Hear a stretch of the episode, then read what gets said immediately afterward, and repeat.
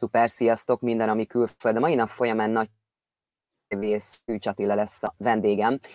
Hát elég sok tapasztalatot meg fognak osztani. Én nagyon szépen köszöntöm a lehetőséget, és én szerintem nem is rabolnám az időt. Vágjunk bele, Szilvi, akkor, hogy hány évre visszamenőleg van neked külföldi tapasztalatod. Sziasztok! Sziasztok! Sziasztok! Köszönöm szépen a lehetőséget, Szilvi. Hát a tapasztalatom az visszanyúlik, kérem szépen, 2002-re, de valójában 1992-ben utaztam először egy hónapra, tehát 20 évesen voltam konzervekkel felszerelkezve, egy személyautó és három haverom, akkor Angliát utaztuk egyébként körbe. Sose gondoltam, hogy ez lehetséges, de lemondott az útról valaki, és akkor megkerestek haverok, hogy van-e kedvem megnézni Skóciát legmagasabb részét, és azt mondtam, hogy elmehetek, és akkor adott wow. a főnököm, aki világjáró ember volt, akkor Tosibánál dolgoztam Magyarországon, és vagy Budapesten éltem eleve, és azt mondta a főnököm, hogy oké, okay, bejárt a világot, akkor elenged. És képzeljétek el, hogy elmentünk így egy Audi Avantal 92-be, tényleg konzervek, kukorica, és ananász konzervek társaságában, és így a, gyakorlatilag Franciaország át, átautóztunk az északi keleti részeken Angliába, föl Skócia a legmagasabb rész, Liverpool, Manchester, Birmingham, London le, aztán először Párizsba le a Perlasész temetőbe, megnéztük Jim Morrison sírját, wow. aztán visszatottunk a Benelux államokba egyébként sörér a fiúknak, és akkor aztán megnéztük az összes létező múzeumot és focipályát, és akkor gyakorlatilag végül is úgy mentünk haza, hogy Liechtenstein, Svájc, Ausztrián keresztül, de ez egy hónap volt, és akkor azt mondtam, hogy Atya Úristen, én utazni szeretnék, de ugye alkalmazott lettem, uh-huh. fiatalon, és egyébként ügyviteli előadó, aztán később könyvelővé váltam, és mindig arra spóroltam, hogy utazhassak. De 2002-ben eljött a traumás időszak, amikor azt mondtam, hogy kész elegem volt, úgy nagyjából mindenből és mindenkiből, és kimentem Angliába, egy rossz kapcsolat volt, az, az első indikátora uh-huh. is.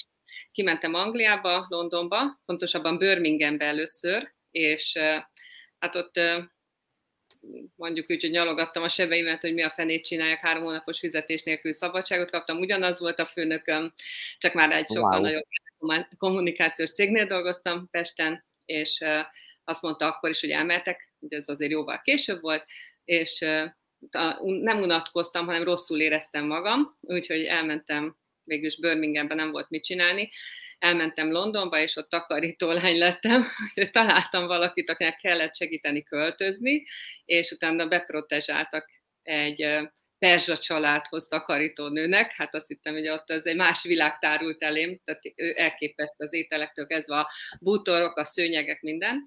Óriás tapasztalat volt, három hónappal később hazamentem vissza Nyolckerbe, ott volt a csodálatos új orci, téri, um, ez a nem, nem üzletház, hanem egy ilyen multicégnek a székhelye, ahova visszakerültem, és ott majdnem depressziós lettem teljes mértékben, és fél évvel később azt mondtam, hogy én vagy elmegyek valahova, vagy itt fogok megpusztulni a nyolc kerben, tehát nagyon, nagyon erős volt a hívásom, és akkor azt mondták a haverjam, hogy miért nem mész ki Ausztráliába, és a másik, az egyik haverom mondta, a másik mondta, hogy oda nem lehet kijutni a vízum miatt, 2002, Igen. és mondtam, hogy jó, hát akkor mit lehet csinálni, ahol nyár van, télen, és azt mondták, hogy miért nem mész Új-Zélandra. Hát mondom, jó, de se pénzem, se nyelvtudásom, se ismerősöm.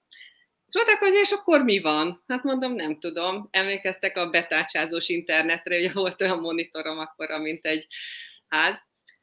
Elkezdtem keresgélni, nézelődtem magyar honlapokon, tudod, alapvető információkat találtam, beiratkoztam Hedvé tanfolyamra.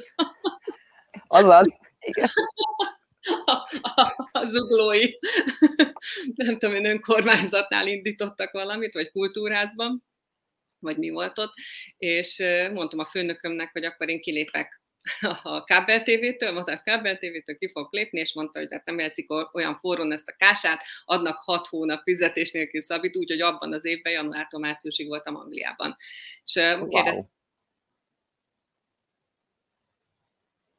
vagy a nyár elején, decemberben, vagy még felajánlották, hogy márciusban, hát mondom, én nem akarok télre kimenni, ugye, hanem a télből szeretnék, és azt rábólintottak, mehetek, fizi nélküli Szabi, nagyon jó volt, és felszálltam úgy egy repülőre, Koreán keresztül, hogy Szőulban ültem, így fogtam a fejem, hogy te Szilvi, te nem vagy komplet, mi lesz így, és gyakorlatilag kiérkeztem, és egy hét után leszólítottak magyarok, lett munkám, mosogatólány, öt hónap, öt hónapon keresztül Vajadákban, Oaklandben lett szállásom magyarokkal, és és hát egy ilyen turista szálló feelinggel, ez a háromszobás, hol 17-en laktunk, hol négyen.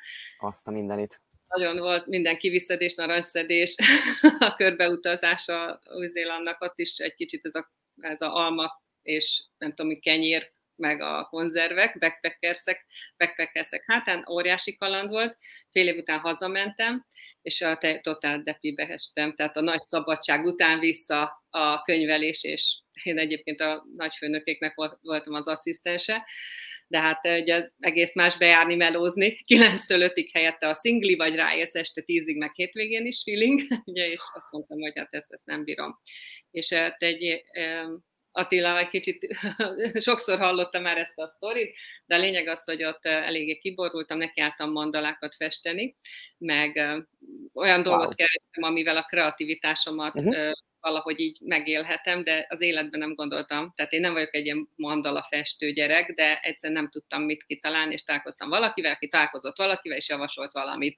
És nekiálltam festegetni, üvegmatrica, festés, és így valahogy lehiggasztottam magam, tehát én tényleg, teljesen zizi lettem vissza Magyarországra alapon, és Új-Zélandon nekem azt mondták a török kollégáim, én egy török étteremben mosogattam, Mekka nevű étteremben, azt mondták, ha egyszer három hónapra elmész, vagy több mint három hónapra az országodból, sose találod meg a helyet, ha visszamész, és én ezt annyira elhittem, és igaznak véltem, hogy otthon totál ki voltam, hogy úristen, vissza, munka, alkalmazott, nyugdíjas, halál. Ja, meg a család két gyerek, ugye, hogy majd vár rám.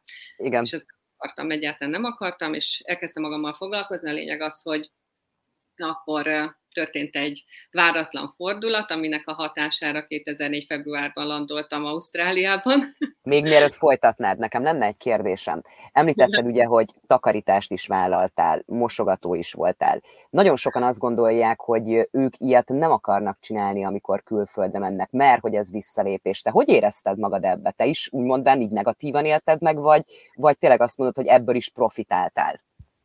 Én egy tehát a látszat ellenére, én akkor nagyon félénk voltam és visszahúzódó, és én könyvelő irodá, tehát könyvelésen dolgoztam irodában, uh-huh. általában egy nyugdíjas nénivel, vagy néhány velem egyidős csajszival, akkoriban, fiatal voltam, és volt általában egy férfi főnökünk, aki általában nagyon keményen tartott minket, és nagyon sokat kell dolgozni. Tehát tényleg az, amikor az 50 filléreket kell keresni zárás előtt éjfélkor, tehát én egy ilyen gyerünk és csináljuk, és papírmunka, és meg kell csinálni, Kipróbáltattak velem sok mindent ügyfélszolgálaton, szervizben, számlázáson, HR-en való munkát, de ez mind iroda.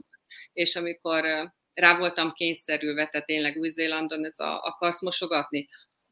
Nem tudom. Kiderült, hogy csak be kell pakolgatni persze a mosogatógépben meg ki. Nagyon féltem, hogy nem akarok uh, uh, mi az, felszolgáló lenni, uh-huh. nagyon féltem hogy ráborítom az emberekre a kaját, vagy hogy elviszi a szél a pesgős üveget, iszonyatosan féltem. Én láttam ott a 28 náció, 28 ember, 28 féle országból az emberek olyan talpra esetnek tűntek, én meg ez a bocs, hogy élek voltam, és hát meg kellett csinálni. Tehát egy kötelességtudás volt bennem, hogy el akarom magam tartani, tehát gyakorlatilag én úgy mentem ki, hogy pénz nélkül általában, és nem mondanám ma, hogy ezt így be lehet vállalni, de ez nagyon régen volt. És hát nagyon azt láttam, hogy aki nem talpra esett, az azért ott nem nagyon tud okoskodni. Vagyis hát biztos lehet, de az én szemszögömből nem, tehát bele kellett csapni, de mindig volt, aki ott nagyon kedvesen végül is mutatott egyfajta irányt, Ausztráliában is voltam babysitter, ott is vállaltam takarítást, ott is nagyon megküzdöttem azzal, hogy nem tudok angolul, iszonyat volt, egyébként nagyon nehéz, és még az volt nehéz, hogy hazamentem évekkel később, és azt gondolták, hogy én valami Rigó utcai felsőfokon beszélek, és én mondtam, hogy nem, én magyarokkal vagyok körbevéve, én az voltam, aki így pironkodik, hogy bocs, hogy nem tudok egy normális akcentus nélkül, vagyis magyar akcentus nélkül egyáltalán nem tudok beszélni, és hogy tudok kérni kenyeret a boltban, de azért annyira nem vagyok pöpec, és angolra jártam, turizmus diplomát csináltam uh-huh. Sydneyben, hogy megtanuljak azért rendesen angolul, de, de én azt gondolom azért könnyebb út van ma már, mert rendelkezésünkre áll a Dulingótól kezdve egy csomó minden, tehát én nem indulnék el még egyszer nyelvtudás mhm. nélkül. Uh-huh. Tehát én szerintem le kell ülni a gép elé, rengeteg ingyenes, jó tananyag áll rendelkezésre, meg lehet tévéből, videókból tanulni angolul, kedvenc valakit nézni, zenéket hallgatni, lefordítani. Én ezt mind úgy csináltam, hogy már kim voltam, és, és hát lerövidíthettem volna a szenvedésemet, de hát pénzt kellett keresnem, fél 8 dolláros órabérrel dolgoztam. Tehát, 2000... 2002-ben Új-Zélandon az volt a szerencsém, hogy azt mondta a nagyfőnök a török étteremben, hogy figyelj Szilvi, ha esik az eső, nincs munka, de gyere be, adunk vacsorát. Tehát vagy üres ristettem, vagy volt, hogy zacskós leves, tudod, ez a Igen félcentes zacskós leves, és hát 30 évesen jó pofa volt, mondjuk 20 évesen biztos jobb lett volna, de elég rugalmas voltam. És az volt, hogy ha el kell vállalni, akkor el kell vállalni, de én is ismerek sok embert, aki azt mondja, hogy soha nem csinálnám ezt. Én értem, de mondjuk éhen halni, számlákat kifizetni, valamiből repjegyet módosítani, ha úgy hozza az élet, vagy egy másik repjegyet megvenni, ha kell, látni valamit a világból, nem lehet másnak a nyakán csüngeni, vagy én biztos nem tenném. Hát meg igen, hogyha az ember már ugye elmegy Új-Zélandra, vagy elmegy Ausztráliába, vagy bármilyen, bármelyik más országba, ha már ott van, akkor ne csak az legyen, tudod, hogy nem lát belőle semmit, mert szerintem sokan ezt is elszúrják, hogy oh, ugye tanulok, akkor mit tudom én, dolgozok, tanulok, dolgozok, és akkor utána meg, ja, hát már nem láttam semmit Új-Zélandból, de ez így nem jó.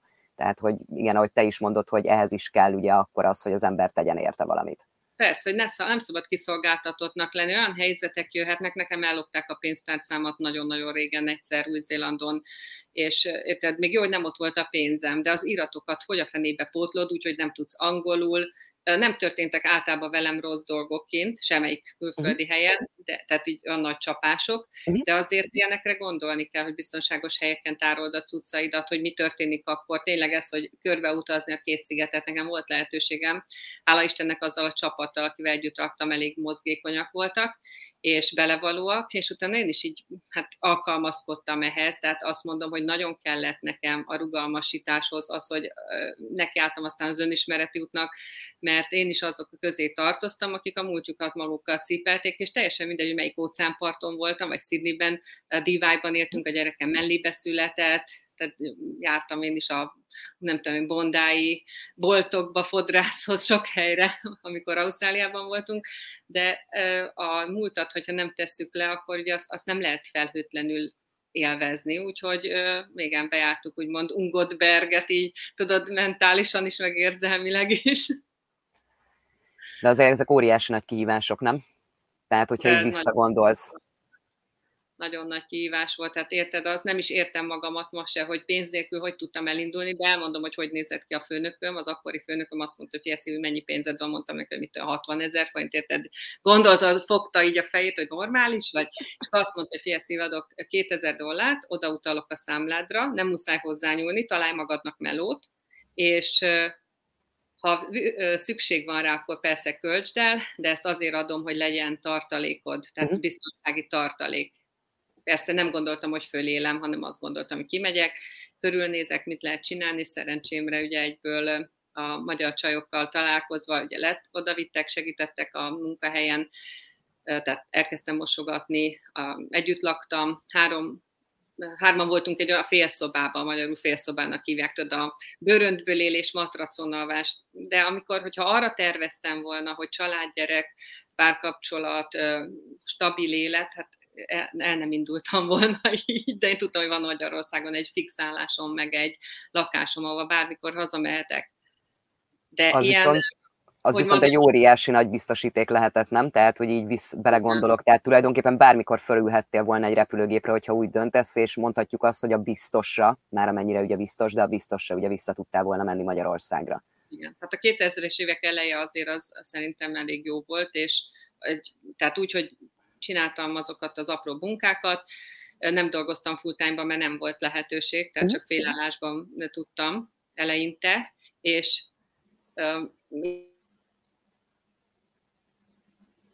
az életben nem találkoztam volna, ha nem megyek el külföldre. Tehát életben nem gondoltam, hogy én törökökkel fogok együtt dolgozni, angolokkal. Az új-zélandiakból egy szót nem értettem, semmit tehát zéro, nulla, nem értettem az angoljukat. Először nem tudtam, hogy mi a különbség egy koreai között, egy Samoa szigetekbeli, a kínait, vagy hogy ismered meg a japánt, de, de egy fél év alatt ebben nagyon jól belejöttem újzin, és amikor hazamentem, és úgy alakult a lehetőségem, hogy vissza, tehát Sydneybe kerültem, akkor hát ott rádöbbentem, hogy ott viszont nem engedhettem meg magamnak, mert már hosszú távra terveztünk, nem engedhettem meg magamnak, tudod, hogy úgy gondolkozzak, hogy na, majd visszautazom, ha nem tetszik. Nem, uh-huh. tehát ott kapcsolatba kerültem, ott jövőtervezésben voltunk, és ott komolyan el kellett adnom az autót, kiléptem a munkahelyemről, és már csak egy lakásom volt, ugye egyébként mint befektetés, de pici lakás, tehát 40 valány négyzetméter az őrsön, és ott nem volt mese, tehát ott nekiálltam gyalogolni, önéletrajzot írtam, tudod, és gyalogoltam, bevittem az éttermekben, nagyon nehéz volt, tehát angol, rendes angol tudásom nem volt, és az, hogy ott úgymond, hát nem szépen mondom, oké, de egy kuncsorogni, hogy legyen munkám, fillérekből, és akkor befogadtak ilyen kitchen handnek a Balmoral Beachre, Moszmanba.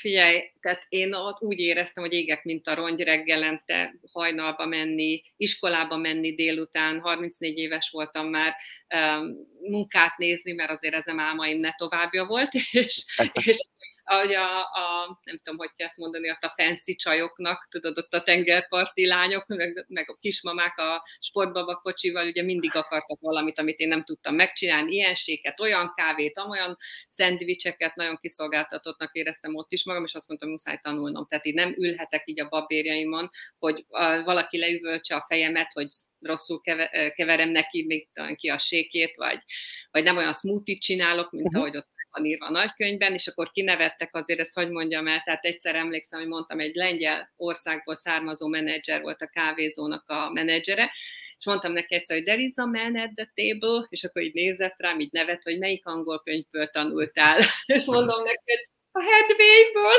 és akkor mondja, hogy Szilvia, nem kell ám ilyen angolul beszélni, mint a könyvben meg van írva, tudod, az oziszlenget, semmit nem értettem belőle az elején, olyan fülekkel hallgattam, és akkor, hogy nevetgéltek rajta, mert nem sértésnek vettem, hanem úgy, hogy bele kell húznom.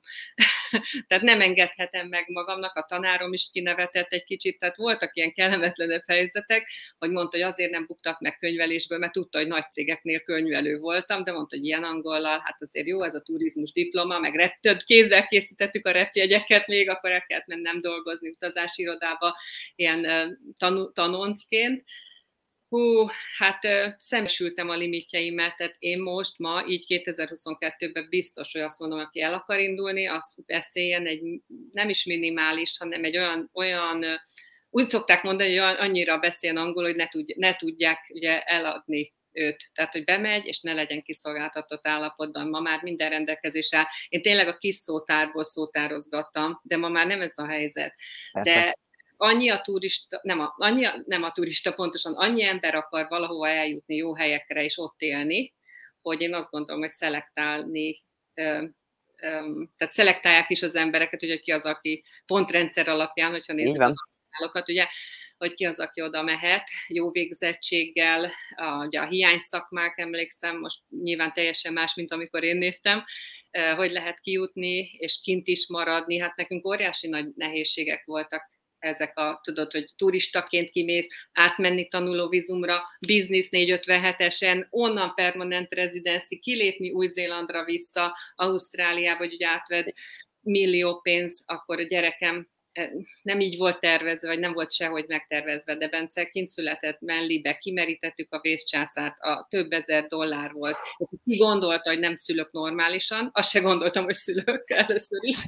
Nem, hogy így kimerítettük ugye a, a Max, Max, Max, és közölték, hogy ja, hát én túr, na, student, mi az diák vizumon vagyok, hát az, az fizetős, csak privát kórház, betoltak, azért mentem a Menni Hospitálban, mert mondták, hogy ne haragudjak, a diákként csak privát kórház, én nem tudom, szív, hogy ez mennyire változott, de annyi, akkor a számlánk volt, hogy csak pislogtunk, és utána én még iskolás voltam, bementem a újszülött bébimmel a suliba, és közölték, hogy menjek már át az immigrationbe, a bevándorlási hivatalhoz, ugyanis valaki rosszul adminisztrált, és engem haza kellett volna küldeni a bevándorlásnak szülni, és amikor majd elég nagy a gyerek, akkor visszajöttem volna befejezni az iskolát, de ezt elrontották, és gyakorlatilag azt az érzést nem kívánom senkinek, hogy ott ültem, Bence volt kb. egy hónapos, ilyen bébi üzében, kapszulában, és közölték, hogy hát akkor 24 órán van összecsomagolni, és kikísérnek a reptérre.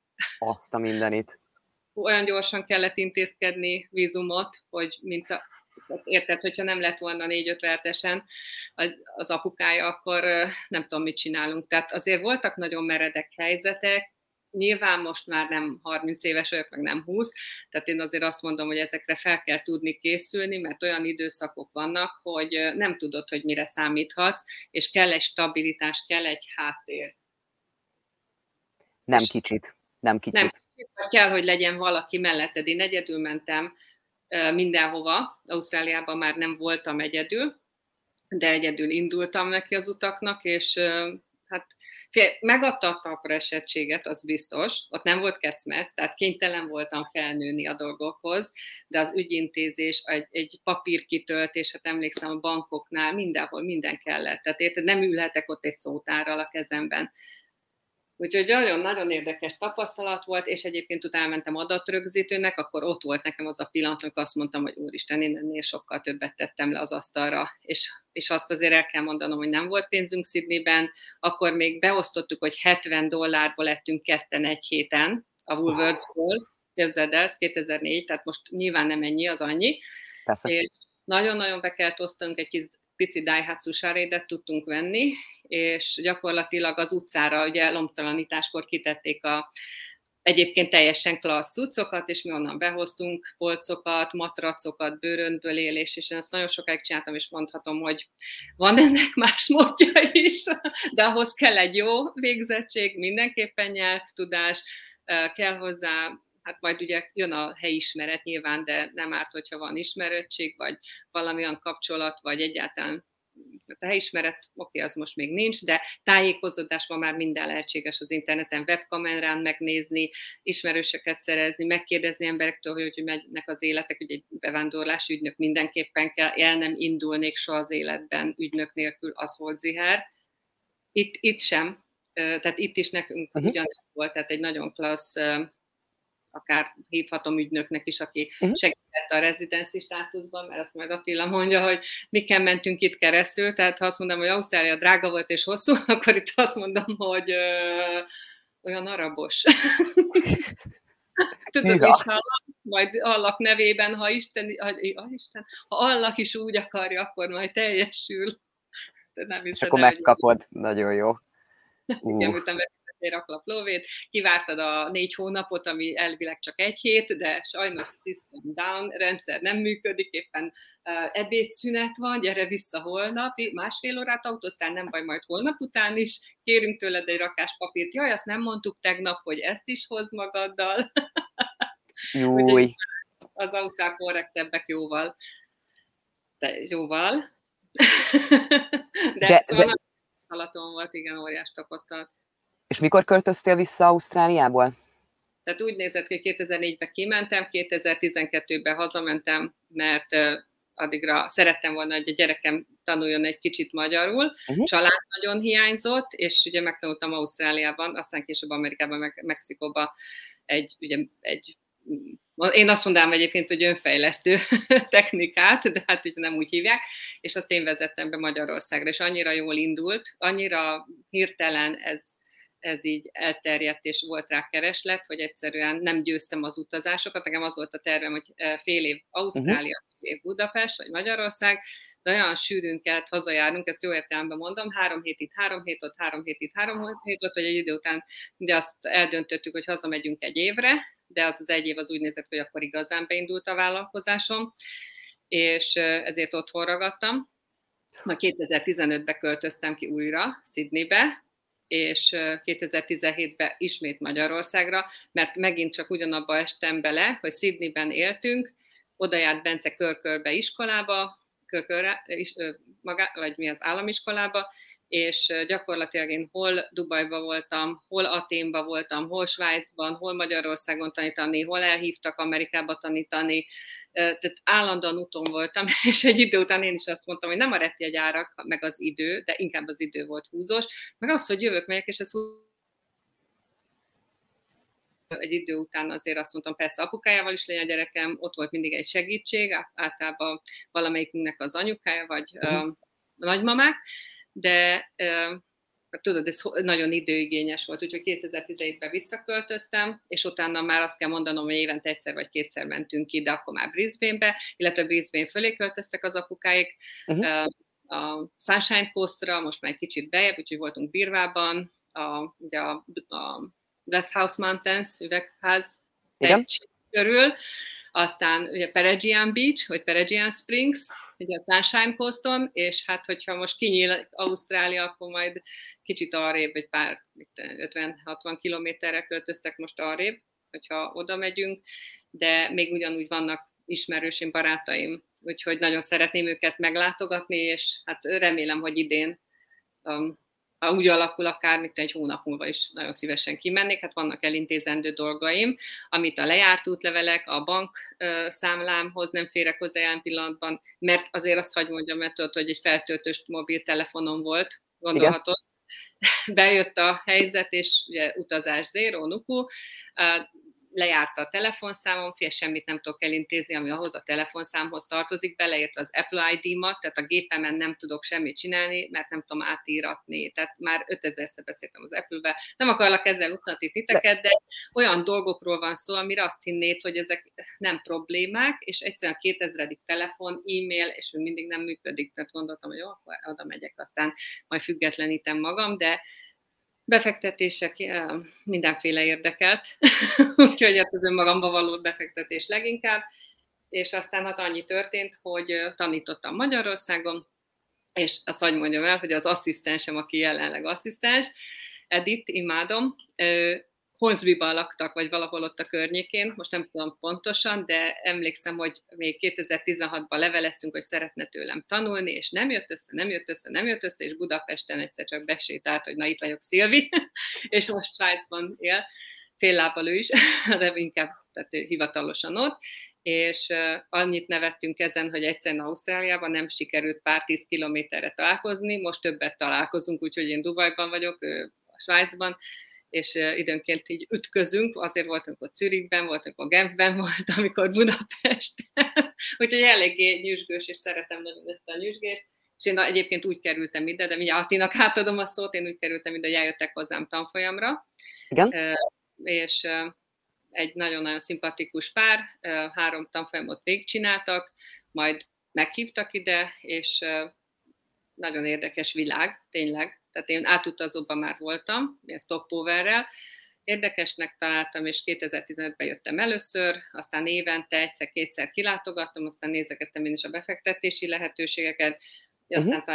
a Mati, valaki 26 évet volt Ausztriában, és aztán ő is melegebb helyre szeretett volna, én is melegebb helyre szerettem volna költözni a Budapest és Ausztriához képest, majd gyakorlatilag eldöntöttük az ismerőseink hatására is, és vállalkozás ügyben is, hogy akkor gyerünk és próbáljuk ki Dubajt. Mennyi magyar van Dubajban? Tudtok erről valamit? Attila esetleg? Most beszéltem. Én nem csak hallomásból, de azért ez nem százszerzékos, hogy ezer biztosan van. Uh-huh. Ezer biztosan van. Nem Most tudom. szerintem azért azt tudni kell hozzá, hogy ha európai itt van, az nem hiszem, hogy alkalmazott, inkább valamilyen vállalkozási uh-huh. formát üzemeltet. Ugye itt az alkalmazottak a ugye van ez a kasztrendszer, a dolgozó réteg azok indiaiak, pakisztániak, Sri Lanka, Sri Lanka szigetek Neki ez egy teljesen más rák. Tényleg fronton elvégeznek mindent, hát leginkább szaktudás nélkül, valamennyire beta, betanítják őket. Nekünk elmesélték az itteni ismerőseink, hogy ezt úgy képzeljük el, hogy nagyon nagy lehetőséget megkapja otthon, begyűjtik őket, hogy jöhetsz Dubajba, kap szállást, étkezést napi háromszor, hozzák, viszik a szállás és a munkahelyek között, és a hajón eldöntik, hogy mi lesz a szakmája.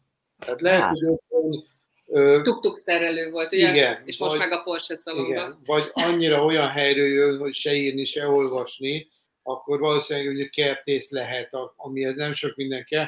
Ugye mi nemrég világban laktunk még, és egy pár napja költöztünk ide ebbe az apartmanba, ott volt kertészünk, tehát nem beszélt angolul. És nem tudjuk, hogy hány éve van Dubajba, integettem, jeleztem én is neki esetleg, hogy milyen igazítások lennek, mindig elmondta, no problem, sir, no problem, és nem csinálta meg. És én nem tudtunk rá haragudni se, tehát végülis egy kedves ember volt, meg egy, egy maroknyi kertünk volt, megöntözte a növényeket.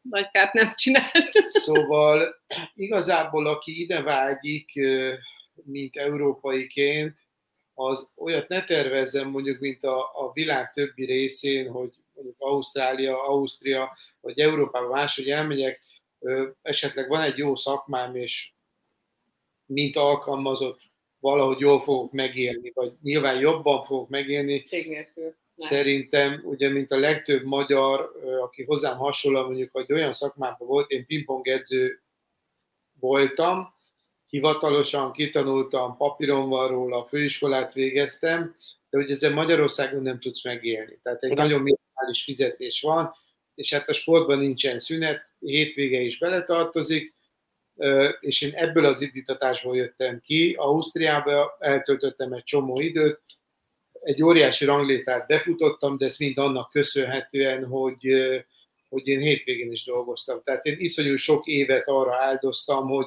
én magam vagy a játékosaim eredményesek legyenek, vagy a csapatokat, amiket irányítottam, egyre jobbak legyenek, de azért mondom ezt, mert ugye más magyar is azért megy el legtöbbször Magyarországról, mert a szakmájában otthon nem tud úgy érvényesülni, már pedig az érvényesülés, ugye egy darabig elég, hogy megveregetjük az ember vállát, hogy egyébként klassz, meg jó fej vagy, nagyon jó, de valamikor kell a pénz is, amiből megélünk, vagy a családunk van, vagy ugye nekünk is vannak vágyaink, és hát nekünk ez itt Dubai így jött össze végül is a Szilvivel, hogy Szilvinek voltak, vannak itteni ismerősei, akik régóta kint vannak, és hát a Szilvivel, amikor összetek, mondta, hogy Ati, hát menjünk itt Dubajba, egyébként tél volt, én nagyon szeretek wellnessezni, imádom a meleget, menjünk. Ugye kijön az ember, és a Dubajba eljössz, és rögtön a látványosságokat megnézed, mint a Burj Khalifa, vagy a különféle tengerpartok, a GBR és a többi, akkor azt mondod, hogy fú,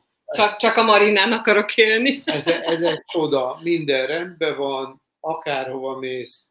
Hello, sir, uram, a Szilvinek, madám. Igen, nagyon tényleg olyan szolgáltatás van, tényleg olyan szerviz van, hogyha mondjuk bemegyünk élelmiszert vásárolni, nagyon hasonló, mint a Tesco egyébként, Carrefournak hívják itt, akkor jön egy ember a pénztár elé, kipakolja a kosárból a csomagot, átmegy a pénztáron, be úti a csajszi ugye a gépbe, és a másik oldalon az ember lepakolja szatyrokba, külön szedve a húst és minden egyéb dolgot, és beteszi a kocsinkba is.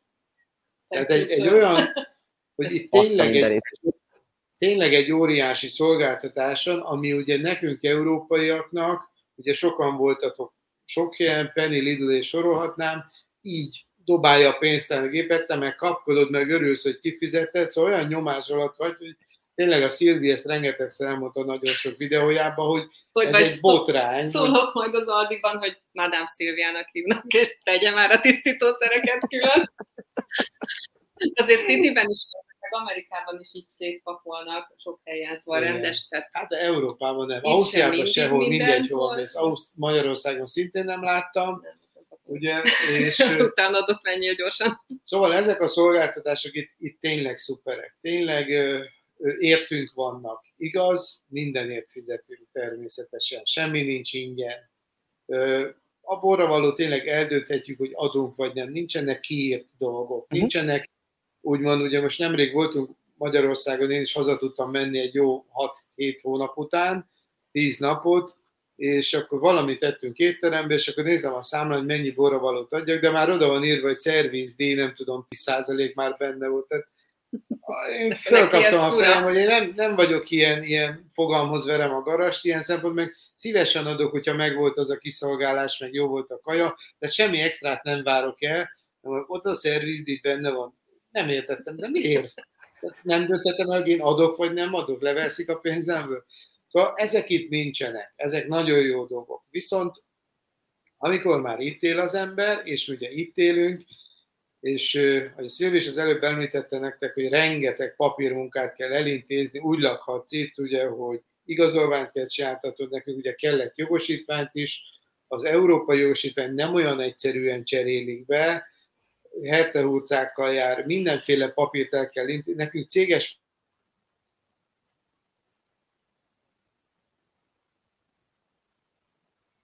és a többi papírmunkát sajnos nem intéztettük ügynökkel. Ez nagyon nagy hiba volt. Ezt uh-huh. utólag azt mondom, hogy tényleg hónapokig jártunk a Szilvi fiának, Bencének a papírjait elintézni. Nehéz mert... volt, mert két áll, ugye kettős állampolgár, tehát az ausztrál-magyar miatt a konzulenseken bejárni. Meg az, hogy mondjuk Attilának megcsináltattuk a jogsit, Igen? más ugyanazon a helyen, teljesen más volt a procedúra. Másnap nem telt el 24 óra. Totál más. Neki olyan fénykép kellett, ami nekem nem, az ő jogsiát elvették, a magyart nekem visszaadták, úgyhogy nekem van, de hát elvileg nem lehet, mert hogy be kellett, hogy vonják, de mégsem vonták be. Kezded el, most ez nagyon érdekes, hogy emlékszel a, ahhoz a katona, vagy nem is rendőr, rendőrség volt, ilyen katonai szerkóban volt, de egyenruhájú. Egyenruhás rendőr, így nézi, hogy hát ez sajnos nem lehet, így nézi az útlevet, ez sajnos nem lehet, ezt nem lehet. És mondom, mit? Hát mondom, tegnap megcsinálta Attilának itt valaki, és azt mondja, ez sajnos nem lehet. Mondom, mit nem lehet? Hát nem lehet átváltani, és mondja, hogy magyarisztán az nincs benne a rendszerben. Nézi, elmegy, vissza, 20 percet várunk, megint mondja, ezt nem lehet. Mondom, de hát megcsináltuk, ugyanez a útlevél előveszi hát ez nem, ez a miszték, ez, hogy ez félreértés az övé.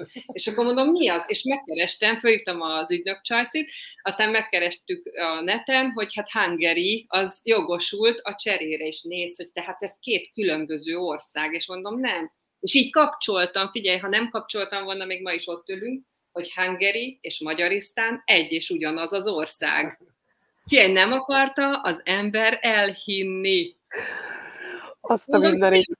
Visszémkánt, hogy úgy beszéltünk, hallod, mint hogy a süket meg a vak körülbelül angolul.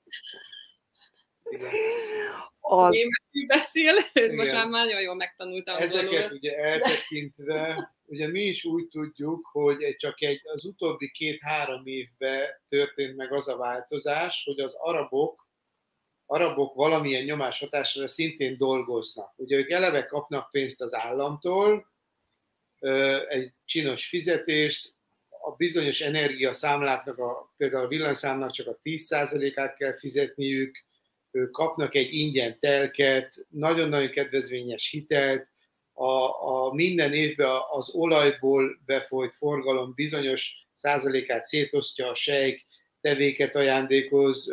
Tehát tényleg azt mondom, hogy jól élnek, de sajnos visszaültették őket bizonyos munkaköri pozíciókba, és ezek pont ezek, amit az adminisztrációs dolgok, amik nagyon fontosak és hivatalosak, és ők azok, akikkel nagyon nehéz. Tehát tényleg, ha nincs kedve dolgozni, akkor a bocs, nem működik a rendszer, vagy a, ez a papír nem jó, hozz egy másikat, vagy de teljesen szemrebbenés nélkül hazudik bele a szem. Tehát például képzeld a bankban, biznisz számlát nyitunk, és mondom a csajnak, hogy ketten álltak, egy egyenruhás fickó, meg egy ö, teljesen el ö, fekete ruhában ugye, el takart hölgy, fiatal csaj. És mondom neki, hogy can you tell me where is the toilet, please? És akkor mondja, hogy nincs toalett itt. És így nézek rá, hogy az nem létezik. És mondja, hogy nincs, nincs WC. Erre a fickó mellette, hogy mond már neki, csaj rezzenéstelen, és mondja a fickó, hogy ott van szemben, jobbra. És bementem, és ott van a WC, érted? És belemondta a szemembe, hogy nincsen hogy nincsen WC, úgyhogy akkor három órája arra vártunk, hogy az a papír, amivel tegnap hazaküldtek, hogy ne töltsük ki, visszamentünk, hogy miért nincs kitöltve. Mondjuk azért, mert ezek banki adatok, nem tudjuk kitölteni, csak hazaküldtetek a papírral, és visszajöttünk, és várunk három órája. No, nem, no problem. Tudod? És így, inshallah, ha Allah is úgy akarja, jöjjünk vissza holnap, mondom, de másfél órára vagyunk otthontól. No problem, no problem. Hát kinek nem, tudod? Kinek? Szóval ezeket a, a hivatalos dolgok, papírok ügyintézését, aki ide szándékozik, rengeteg ügynök van, mindenképp meg kell fizetni, mert rengeteg energiát spórolsz meg, meg idegességtől mented meg magad, meg sorbanállástól, meg egyéb dolgoktól, mert ez a legrosszabb az egészben. Tényleg hónapokat húztunk el papírügyek intézésével, ahol én is azt mondom, hogy ugye unión belül semmi, nincs semmi, más országokban viszonylag rövid idő ezeket elintézni, meg van, hogy oda még is megcsinálják, de itt ez nem így van. És uh-huh. De az, Úgy, az internetet, tehát az interneten volt egy nagyon érdekes tapasztalatunk most a héten. Hát ugye a, van az internet szolgáltat, internet, tévés, ugye a telekommunikáció, telefon egybe, és hát nem tudjuk, hogy milyen belső szabályzatok van. Az ember azt gondolná, hogy ez csak egy olyan komoly nagy cég, mint minden országban, ugye, hogy, hogy ha mondanak valamit, az úgy van.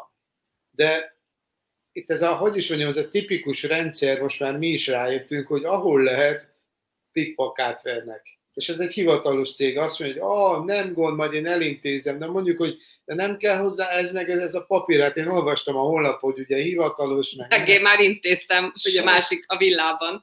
Semmit nem kell, csak figyelj, ezt váltsát, ez, ez, és akkor csak... Fizes egy ezrest. Ezer dirham, át mennyi az 80-90 ezer forint, nem tudom. Nézzük a szélna, várj, várj, ez valami gyanús lesz, de, de nem, most csináljuk meg, vagy te gyere be, de, és akkor mondja, hogy Szilvi, te gyere be holnap, megcsináljuk gyorsan, de mutat rám, hogy te ne gyere be.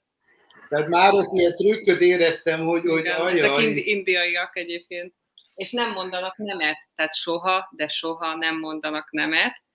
És a bankos, ugyanez van egy internetes bank felület, ahova én beregisztráltam, és komolyan mondom, a lábméretemet is kikérdezte a fickó, majd a végén között, hogy igazából nem fontos, csak ő meg akarja érteni, hogy én mivel foglalkozom, mondom, coaching, mentorálás, tréningek tanfolyamok. Milyen tanfolyam? Kinek? Én nőként dolgozom, és ez egy, egy áthatolhatatlan fal volt szinte az elején, hogy kivettük a villát, Attila akkor Ausztriában volt, azt hiszem, vagy nem is tudom, hogy voltunk. Nem, csak a te nevedre volt intézve. Ah, igen, mert az elején nem volt állítés, és akkor mondják, hogy de és akkor a férjemnek a biznisze, vagy a cég, ugye, mert hogyha ki akarsz jönni, és jó a szakmád, akkor nyilván egy cég fog fizetni egy ilyen package-et, mindent, tudod, hogy kapja Igen. nem annyi fizetést, de fizetik az iskolákat, óvodákat a gyereknek, ugye a lakbért, egyszer egy évben a teljes családnak a repülőjáratot, haza, meg vissza, meg a, meg a gépjárművet. Benzin, Benzin van mindegy, van. És akkor mondják, hogy a férjemnek a nevére mondom, nem a saját cégem, az nem, hát madám, madám. és akkor mondom, igen, én dolgozom, madám tehát az nem lehet. A férjemnek a mondom, nem, hanem az én nevem, az én cégem, az én munkám, és mondják, hogy hát te ezt nem érti. Tudod, és így ül, így, így ül, és ezt nem érti. Na, mondom, de tudod, business owner, annak tudod, hogy vállalkozó nő. Hát, és, és a férjem, és a munkahelye, és amikor 500, de nem hiszitek el, de tényleg, amikor úgy érzed, hogy elmondtad 25-ször minden irányból, megmutatod a papírokat, uh-huh, uh-huh, és akkor a férje munkahelye. Igen, előre kezdik, te teljesen. Szemrebbenés nélkül, mint hogyha nem tudom, kihez beszélni, és akkor nem, tényleg nem mondanak nemet, mindent megígérnek.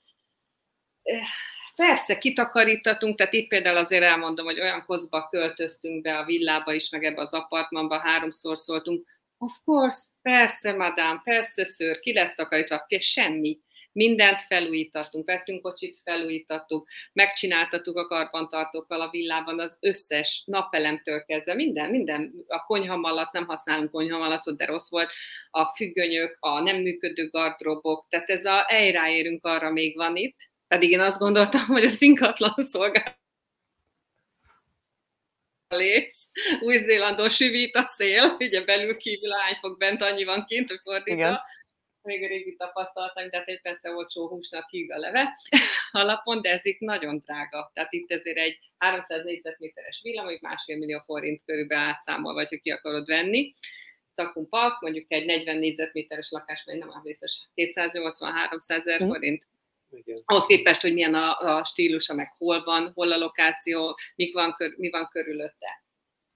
Igen, az, ami, ami előny, ez fontos elmondani, hogy ugye nagyon szembetűnő Dubajban, hogy óriási építkezések vannak, tehát minden irányban nincs egy, kimondottan egy szegmens, akár merre megyünk, tehát lakó negyedek épülnek, nagyon sok munkás van, nagyon sok gép, az, az ingatlanban nagyon-nagyon belehúznak. Most van egy komoly terv a, az emirátusok kezében, hogy a sejk azt mondta 2040-ig, hogy a, ő a világ legjobb városát szeretné megcsinálni. Te van a YouTube-on faggatták is, hogy de mi az, hogy a legjobb? Hát, hogy minden szempontból, a lakóinak, az innovációban, és minden egyéb, tehát ő azt mondta, hogy neki az a cél, hogy az első legyen. Ő ezt, ezt akarja maga után hagyni, úgyhogy, és mi is látjuk, talán nem titok, Szilvinek van két ingatlan befektetése itt, mert rengeteg épül, és mi is úgy látjuk, hogy egyre több ember érkezik ide, uh-huh. hát főleg az európai konfliktusok miatt,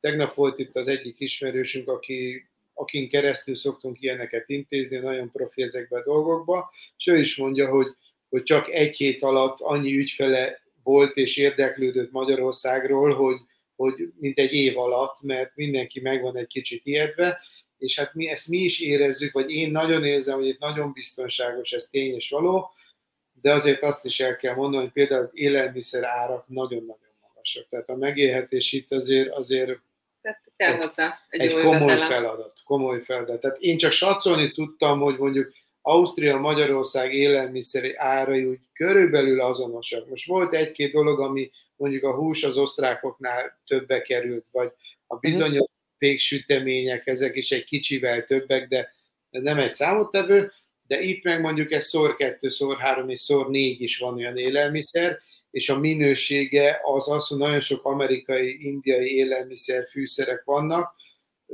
nekünk nem igazán felel meg. Tehát az európai ízek azért rohadtul hiányoznak, de félre ne értsetek, tehát mi nem keressük a túrórudikat, meg a gulyáslevest, tehát nem, nem, nem keressük, de az, ami, az amerikai alapanyagok, minden nagyon van. Cukroz, igen. Cukrozva is, meg genetikailag módosított, meg, tehát iszonyatos. Tehát én, akikkel beszéltem, mindenkinek volt valami egy ételmérgezése, bélgyulladása, allergia, rengeteg a por, tehát olyan szintű por, hogy homok viharok vannak, gyakorlatilag nem por, hanem homok. Hát ha nem takarítunk egy hétig, egyszerűen, tehát ilyen mennyiségű homokot még nem láttam. Az, az nagyon nehéz a kaja. Hogyha elmentünk bioboltba négyszeres áron, ugyanaz. Ugyanaz, mint a Waitrose-ban, vagy a van még egy csomó, akár amerikai, akár másfajta hipermarket is, de nagyon meg kell nézni, hogy milyen minőségű ételt veszem, mert egy pillanat alatt olyan gyomorontást lehet kapni a víztől, nem szabad inni abszolút csak a tisztított víz se elég jó minőségű, tehát nagyon oda kell figyelni, hogy milyen az alapanyag, viszont a, ami nagyon jó, az időjárás, mondjuk novembertől áprilisig imádod, tényleg, amikor nem akarsz... lehet spórolni. Amikor nem akarsz lenni. Költheted az élelmiszerre.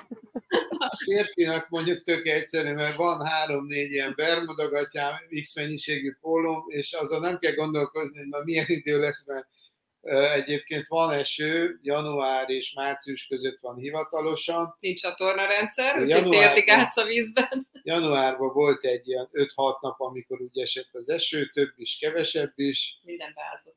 De tényleg nincsenek fölkészülve még erre se, tehát erre a pára se beázott minden. Mondták, nem gond, nem érdekes. Tehát a, Pont jött egy kérdés, hogy ezek szörnyen hangzanak, miért maradtok mégis ott? Ez nem, a kérdés.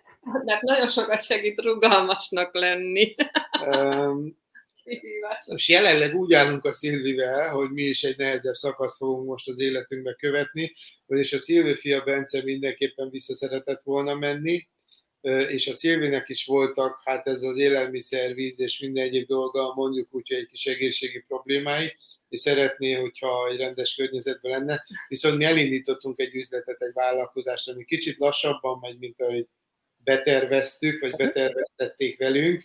Most már, mivel hogy ennyi tapasztalatunk van, értjük, hogy miért, tehát itt minden munka tízszer lassabb, minden késik, minden papír, értelmetlen dolgok tömkelege van, és ez a befektetésben mondjuk azt mondom, hogy mi itt elsők vagyunk, nem mondhatom, nem mondhatom. Hát. Nincs jelentősége. A lényeg az, hogy én, mi szeretnénk azért ennek még időt adni, mert Persze.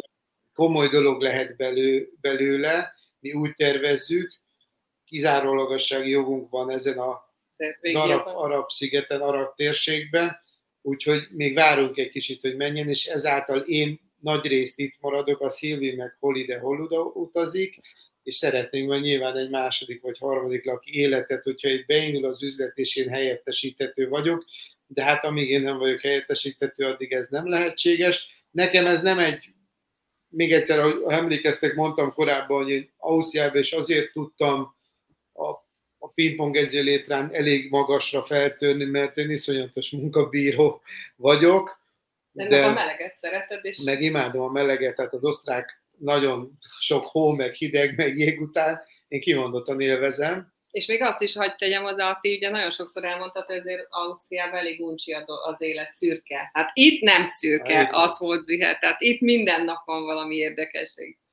Igen, itt ez teljesen más, sokkal lazább minden. Ausztriában ugye nekem a sok eltöltött évem most is úgy néznének rám, mint amikor az első nap oda mentem, tehát azért ott egy külföldi maradt, szerintem más országban is érzitek ezt, egy-egy helyi barát vagy családismerős, akikkel jobb a viszony, de igazából olyan hideg népség. Uh-huh. Nekem ez nagyon hideg volt, és nekem kellett a váltás. Itt pedig megtanultunk így nevetni a dolgokon, tehát volt, amikor szétcseszett az ideg mondjuk november körül, amikor már így fogtam a fejem, hogy én ezt nem hiszem, hogy ilyen létezik, de az ismerőség mindig mondták, hogy figyelj, nevessetek rajta, és most így áprilisra azt mondom, hogy tudunk rajta nevetni, de Ati nagyon szeret itt lenni, ő nagyon bírja a meleget, tényleg 10 perc van a tengerpart, ebből a szempontból, hogy Ausztráliában is a tengerpart mellett laktam, azért ott más 17 fokban, itt viszont nagyon más 45 fokban, tehát minden a apró meg a kontrája. Egész más látni, hogy mit, miért rohadt szét az autó itt a 45-50 fok, 52 foknál, vagy Magyarország, vagy a télben, hogy mennek tönkre a járművek állati különbségek vannak, de szeretjük, tehát egyszerűen én nagyon szeretem a világot járni, de én részemről a két lakiságot szeretem. Tehát én nekem nagyon bejött egyébként az Ausztrália Magyarországon való utazás, én ugye magyarul tanítok, nagyon sok tanfolyamot tartottam, most is otthon voltam három hétig, két tanfolyamot tanítottam, és és élvezem a kontaktokat, de ettől függetlenül ugye Ausztráliában is tanítottam magyarokat, meg New Yorkban is, meg Horvátországban is, meg máshol is, de, de én szeretem ezt a menjünk, pezsegjünk, én, én azt nem bírom, hogyha be vagyok az árva egy városba. Tehát én nem, köszi nekem az így. Egy nyolc hónap nagyon klassz volt, és én akkor jövök, és kérdezték, hogy már akkor most nem jössz vissza, mondom, de hogy nem, majd három hét múlva fölülök a repülőre, azt visszajövök. Tehát öt és fél óra nem egy nagy ügy, de azért hát mondom ezt. Jobb, mint Ausztrália. Azért mondom ezt így, mert régen nekem, amikor az első keretben volt a összpontom, akkor mondták, hogy de hát jaj, Szolnokról eljönni, vagy, vagy Pesterzsébetről, tudod, én meg így néztem, hogy én, ha valamit el akarok érni, azért azt elérem. Tehát itt nagyon sokat el lehet érni, vannak dolgok, amit feláldozol érte, vannak, amiben megalkul, vagy alkalmazkodó vagy, de hogy biztos, hogy megtanulsz alkalmazkodni, élvezni a nyarat. Egy, egy olyan pozícióban vagyunk, ami mi nem élünk vele vissza, és nem használjuk ki, de nagyon jó, jól működő egyik oldalon a rendszer, a másik oldalon meg látod, hogy hát van benne bőven lehetőség, de azokat a lehetőségeket meglátod, hogy akár tudsz is velük élni, és nem csináljuk másnak a kárára, és úgy gondolom, hogy amiben belekezdtünk, két cégem van itt, és egyébként azért fektettem ingatlanba, mert jóval olcsó volt, mint Magyarországon ugyanez a kategória, és még most is növekvő a, az ingatlanpiac. Igen. Tehát meg tudjuk látni a lehetőségeket. Az, hogy nagyon, tehát inkább azt mondanám, hogy élhető az élet itt. Tehát most a sok negatív mellett, amit elmondtam nektek őszintén, hogy én Ausztriában is meg, hát ezt is elmondhatom, hogy mi nem vagyunk ilyen oltás melletti ö, csoport, Ó, ez egy, ez egy külön sztori. benne, és ugye itt nincs nyomás, tehát aki akarja beoltatja, aki nem, semmiféle nyomás nincs, semmiféle rendelkezés, maszkot hordunk még laza, hát látjuk azt is, hogy van, aki van, van, aki nincs, nincs, nincs, tehát az emberek, nincsenek az emberek nyakába, nem fenyeget, hogy nem dolgozhatsz, vagy nem repülhetsz, vagy bármi. Tehát ebből a szempontból itt nagyon élhető az élet. Csak viszont kell, hogy meglegyen hozzá az anyagi fedezet, mert többe kerülnek az élethez szükséges hát dolgok. De meg Sydney se olcsó, már elnézést, a repjegyek se olcsók, az él, attól függ, milyen életszínvonalon élsz. Angliát, Angliát se említsük, tehát ami történt. És elég tudós, vagy New Yorkban voltam, érted, ott is pislogtam csak, hogy hoppá. Brut, brutális azért. Tehát, Igen. Érdemes, érdemes lenne egy ilyen összehasonlítást csinálni különben az országok között, hogy csak az alapélelmiszerek, tehát hogy azok így, így mekkora különbségek vannak. Jó, persze nézzük azt, hogy mennyi a minimálbér, meg ilyenek, de tehát azért el lehet képedni elég rendesen. Igen, hát igen, nagyon is meg hogy ki mit teszik, tehát én most már egy terméket, én nem vagyok ilyen nagy tudod, vegetáriánus, vagy egyáltalán semmilyen szélsőséges, de mondjuk kétszer kellett mennem ájurvédás nagy, nagy takarításra, hogy egy kicsit jobban legyek, de azt meg ilyen seafoodoktól sikerült összeszednem ilyen tengeri herkentyűktől, most nem eszek tengeri herkentyűket, az nagy kaland. De azt keresjük, ahol van az a mediterrán térség talán, ahol majd úgy élünk. Mexikót is néztem, de fel se akar Mexikóban ugyanígy főnénk, érted? A, tehát ez a snowbirdöknek hívják, ugye, aki télen nyelekhelyen van, nyáron a saját hazájában, tehát körülbelül ilyesmi a cél, meg az, hogy figyelj, minél több helyet megismerünk, annál nagyobb a, a látókörünk. Tehát én ezt azt gondolom, hogy ez kell önismeret, kell hozzá egy kurázsi vagy bátorság, kell talpra esettség, vagy ad hozzá helyismeretet, majd szerzel, nyelvtudás nagyon-nagyon kell, nagyon kell, nagyon kell különben átvágnak, mint a húzza. Még azzal együtt is lehet, nagyon ügyesek. Nagyon-nagyon. Hát meg tulajdonképpen egy csomó, ahogy mondtad, hogy nevetni is tudni kell a dolgokon, tehát hogy szerintem ez a sok külföldre költözés, akár ugye hosszabb, akár rövidebb távon az ember, hogy ott marad egy országban, szerintem rengeteget tud belőle tanulni. Egy dolgot, hogy mondjak így végszónak, hogyha esetleg, hogy az, hogy itt voltam 8 hónapig, de permanensen, hogy hazamentem most márciusban, én úgy éreztem, hogy én olyan laza vagyok, mint a rigalánc, pedig én nem vagyok az. Ugyan ezzel foglalkozom, mindset, mindfulness, és nagyon so, tehát amit amiről beszélek, én azt csinálom, muszáj, mert én nem voltam fiatalon rugalmas, se nyitott. Uh-huh. És én olyan lazán veszem otthon a dolgokat most, hogy néha én is így hátba, vagy me, hát, vállon veregetem magam, és azt mondom, oké, okay, nézzük, hogy ebből mit lehet kihozni, és hol van az a millió, ahol aztán a hosszú, vagy közép és hosszú távú terveket szövegessük, de jelen pillanatban ez egy nagyon jó lehetőség. Nekem még utolsó kérdésem lenne Attila először hozzád, hogy azért neked ugye elég hosszú idő egy országba, több mint 20 év ugye Ausztria, most ugye Dubaj, hogy ha valaki külföldre szeretne menni, akkor mit javasolnál neki a nyelvtudáson kívül, hogy mivel készüljön, felkösse a gatyáját, vagy mi talán a legnagyobb nehézség ebbe? Igen, hát azt gondolom, igen, nyelvtudás az első, bár nekem 2001-ben, amikor kezdtem, nagyon kevés németem volt, viszont elég gyorsan tanulok. Ami kell, én azt gondolom, hogy legyen mindenképpen valamennyi induló tőke, és akármilyen szakmádban abba iszonyat jónak kell lenni, és fel kell készülni rá, hogy kétszer annyit fogsz dolgozni, hogyha érvényesülni szeretném, mint oda-haza. Tehát ha ez nincs meg benned, akkor, akkor nem biztos, hogy sokáig fogsz maradni, vagy nem is fognak megtartani, vagy én azt mondom, akkor nem vágnék bele. Tehát késznek kell lenni arra, hogy itt többet nyújtasz, jól dolgozol, akármelyik országban vagy, tudni kell alkalmazkodni, ez teljesen természetes, de azért nem kell senkinek feladni az identitását. Vannak olyan országok is, hogy ezt megpróbálják azért, de azt gondolom, hogy mi magyarok iszonyatosan jók és talpra esett népség vagyunk. Én ezt itt látom az itteni rengeteg náció, hogy nem vicc, hogy szerintem a labdát sokszor vinni szeretnék, a téglát meggurítani, és ezen mi elmosolygunk a szilvede, tehát olyan, olyan értelmi szinten vannak sajnos, hogy én a magyar tényleg csak dicsérni tudom, csak ezt jóra kell használni. Ez, ez mindenképpen kell hozzá. Ha valakinek van még komoly kapcsolata, azt mindenképpen használja ki, mert ahogy említettem, ezek az ügyintézések néhány országban nagyon nehezek, és ezekkel nem szabad tökölni, mert szükségesek.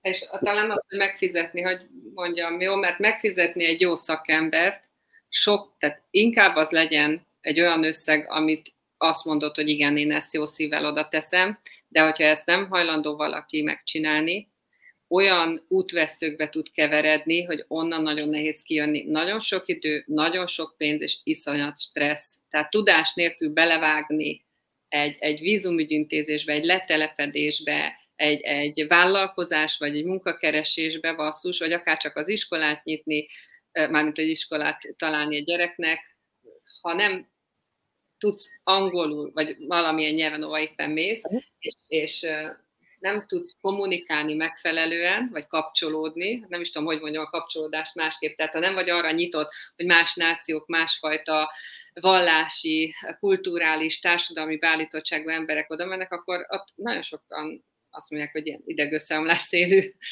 tapasztalataik vannak. Nem Dubajról beszélek, hanem általában a világban, sok országból levő emberekkel dolgozom, és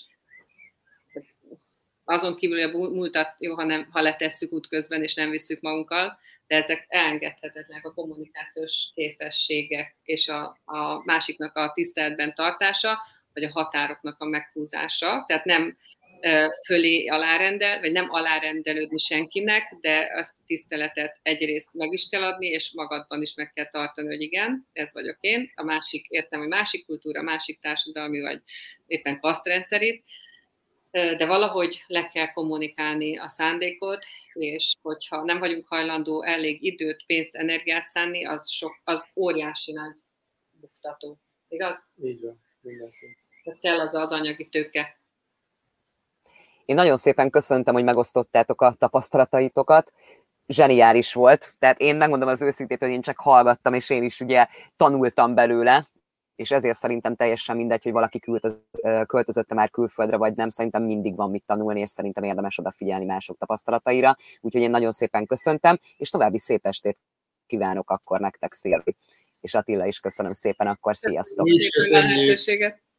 Sziasztok! sziasztok.